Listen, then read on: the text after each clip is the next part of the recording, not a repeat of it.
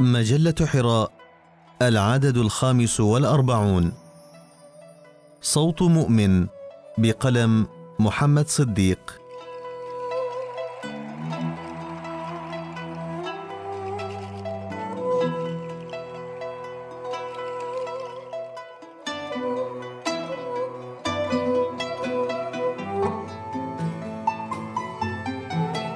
ربما يعاني البعض من علة وجوده في بيئة غير صالحة أو ضمن جو تنتشر فيه أوبئة الفساد والجهل فيتعذر بهذه الأمور ويبرر بها فساده وانجرافه مع التيار وينتظر صلاح الجماعة حتى يصلح نفسه ويلقي باللوم على البيئة التي أكسبته المرض. لكن المجتمع هو نتاج أفراد متكررين في المضمون وهو نتيجة تشابههم في التفكير والسلوك.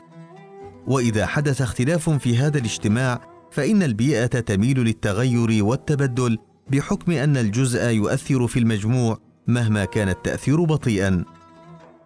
ودعا النبي صلى الله عليه وسلم إلى عدم الانجرار وراء جهالة المجتمع. فعن حذيفة رضي الله عنه قال قال رسول الله صلى الله عليه وسلم لا تكونوا إمعا تقولون إن أحسن الناس أحسنا وإن ظلموا ظلمنا. ولكن وطنوا أنفسكم إن أحسن الناس أن تحسنوا وإن أساءوا فلا تظلموا. فالإصلاح يحتاج لمبادرة ذاتية عنوانها عدم التقليد الأعمى. ورجال الإصلاح على مر التاريخ كانوا أفرادا في بيئة معلولة وكانوا أجزاء من كل مريض. لكنهم بدأوا بتغيير ذاتهم حتى انتشر التغيير في الكل المترابط مع بعضه بروابط مادية واجتماعية ومعنوية.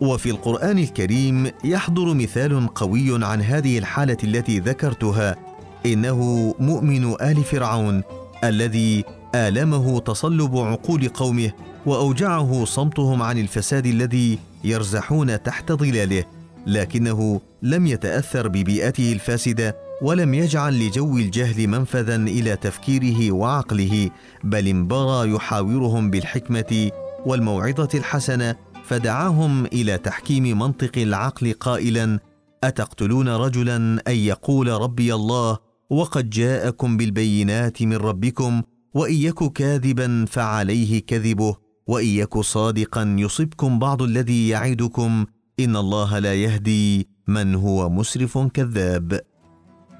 وذكرهم بماضي أيامهم يا قوم إني أخاف عليكم مثل يوم الأحزاب مثل دأب قوم نوح وعاد وثمود والذين من بعدهم وما الله يريد ظلما للعباد. وخوفهم من عذاب الله في مستقبل أيامهم. ويا قوم إني أخاف عليكم يوم التناد يوم تولون مدبرين ما لكم من الله من عاصم ومن يضلل الله فما له من هاد. إن هذا الرجل دليل واضح على أن الفرد مسؤول عن ذاته وإصلاحها كما هو مسؤول عن الأمر بالخير والنهي عن الشر وأنه لا يجوز لإنسان أن يلقي بأخطائه على الآخرين والا ينتظر الإصلاح على طبق من ذهب بل عليه أن يسعى إليه رغم كل الصعوبات والظروف غير الصالحة.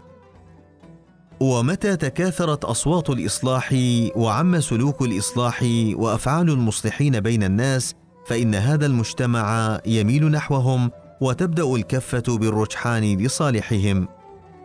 إن التدافع الذي هو من سنن الله في أرضه معناه تصارع الأضداد حتى يبقى الأجدر بالبقاء. ومتى خفت صوت الإصلاح وانقلب إلى صوت داخلي ذاتي فإن ضده الباطل سيعلو ويغلب. لكن متى خرج الإصلاح من قوقعته الذاتية وبدأ يمشي في الأرض سلوكا رائعا وقولا حسنا فإن الناس تتأثر به ذلك أن الإصلاح فعل متعد.